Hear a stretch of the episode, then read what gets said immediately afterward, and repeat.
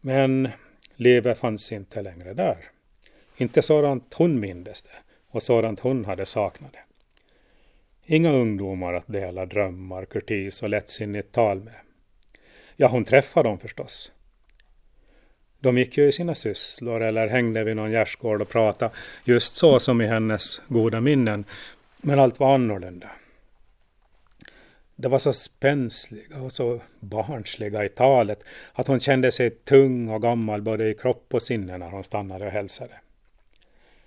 Flickorna var så eleganta då de inte hade tvingats lägga ut kläderna i midjan eller överta sina mödrars plagg för att de inte rymdes i sina egna. Och pojkarna var så rörande, kantiga, där de försökte föra sig med manligt överdåd i ord och gester fast de bara var tunna slynglar.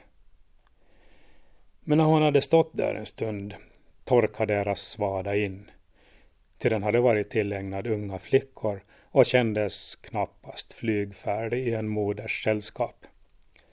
Inte kunde flickorna heller drömskt beskärma sig över pojkarnas liderliga initiativ i sällskap med en som för länge sedan löpt linan ut med en vuxen och ökänd man och fått ta konsekvenserna av det. Alla blev osäkra. Alina också. Först blev det tyst, men förlägenheten var pinsam och kurerades istället med dristigare tal. Hon längtade hem till sin dotter. Ungdomarna var inte detsamma längre. Inte för henne. Det gick inte bättre bland de vuxna. Hon var definitivt inte en av dem. Vissa gjorde ganska rätt framt klart att de inte gärna såg en hora i gården. Medan andra nöjde sig med en avvaktande hållning och strikt övervakning av en sådan varelse. Kvinnorna föreföll tro att hon bara spanade efter tillfällen att lura deras män och söner ut i buskar och lador. Och en del av männen visade att där kunde ha funnits fog för sådan oro. Mammorna var helt annorlunda mot henne nu.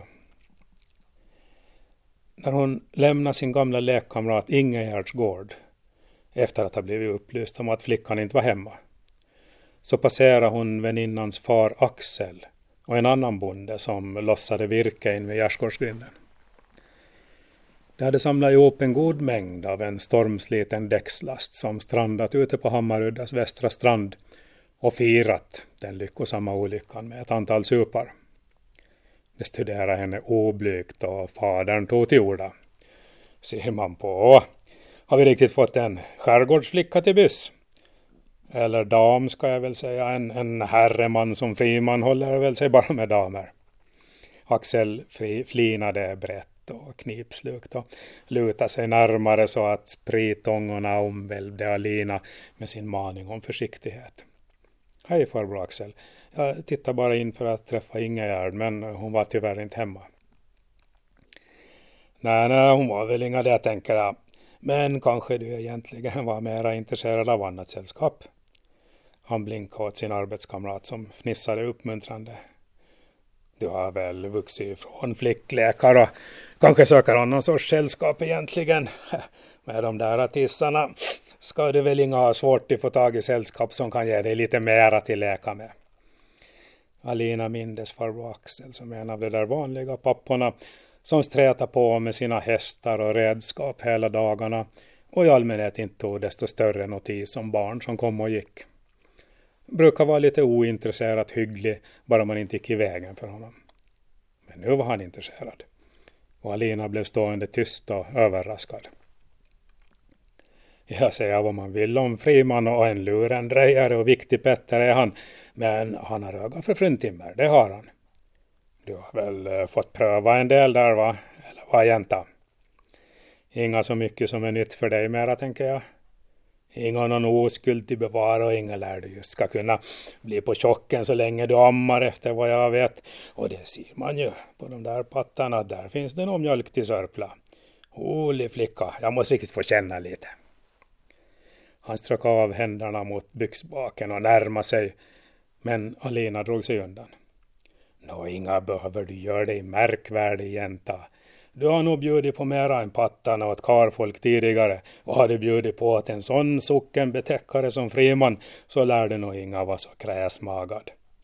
Ja, ifall det är Pelle här som stör så kan ju du och jag gå på trian en sväng. Jag ska ta det så nätt som när man hanterar spädgrisar och som sagt så det blir nog inga just med barn så länge ungen pattar på dig. Kom nu gullunge. Axel kom närmare med ett brett smil och den tanigt rödbrusige som tydligen hette Pelle fnissade nervöst beundrande i bakgrunden. Alina backa och Axel som drogs med hälta efter en hästspark irriterades där han linkade efter. Inga spelar det ändå någon roll för dig mera. Har du en gång börjat bjuda på så finns det väl inga just något kvar till snåla på sen mera. Stanna nu så får jag hålla om dig lite. Du, du kan få ett klänningstyg som jag har köpt utav esterna. Prima linne med granna blomster på, säkert värt en hel femma. Och det ser ju ut att kunna behöva lite nytt tyg kring de där granna rovorna. Konstra inga nu jänta. Det var inte längre samma farbror Axel som hade skjutsat henne och Ingegerd på hölasse. Eller låtit dem följa med ut i flundernäten bara de höll sig tysta ur vägen. Den här Axel hade låtit rösten glida upp några tonsteg i sin strävan efter en mild och varm klang, vilken dock blev lite grötig och sörplande. Leende hade blivit bredare och ansiktet rödare efterhand hans irritation över hennes trilskande tilltog. Hon fann inget att svara, så hon vände och gick bort med steg som var för snabba för hans hälta. Han sackade efter och pottrade så saliven skvätte Satans hora tror sig vara något märkvärdigt. Kommer från ett torp som inga är mer än en orkoja och inga ska kunna vara tacksam och artig när en vilig bonde bjuder en allmosa och lite sällskap. Det är väl han där finnpajsan som har stoppat griller i huvudet på er där ute så ni inga förstår ert eget bästa mera. Hör, kommer man från ett hortorp så vankas det vara tacksam för allt som erbjuds av oss kristna människor. Begriper du inga det? Axel sackade haltande efter. Leendet hade skrumpnat och han stannade upp för att få mera luft till sina avskedsord. Ja, det är väl bara en riktig utskärsbock som duger åt en så förnäm mamsell. Och ifall finnbocken själv är ute på friarståt så lär du väl räda dig lika bra med han där raggiga hornbocken som ni har i gethuset. Inga vet jag vad han heter.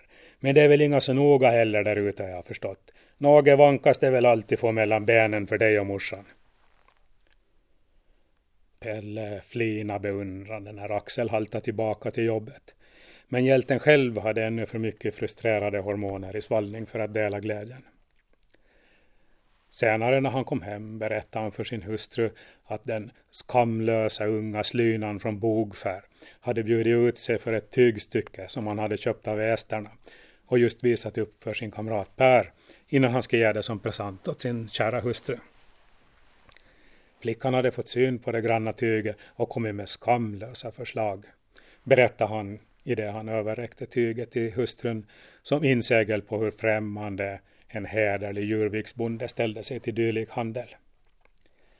Därefter var det allmänt känt i bygden att Bogskärskvinnorna gav för ett tygstycke. Det var just ett sådant konkret bevis som hederliga kvinnor hade väntat på för att slutgiltigt belägga det fördärvbringande levernet ute på öarna där vackra konkurrenter ignorerade kyrkans bud. För karlarna nämnde Axel aldrig sitt näsliga försök och i den mån de fick höra något från hans kamrat så bjöds det en mindre friserad version.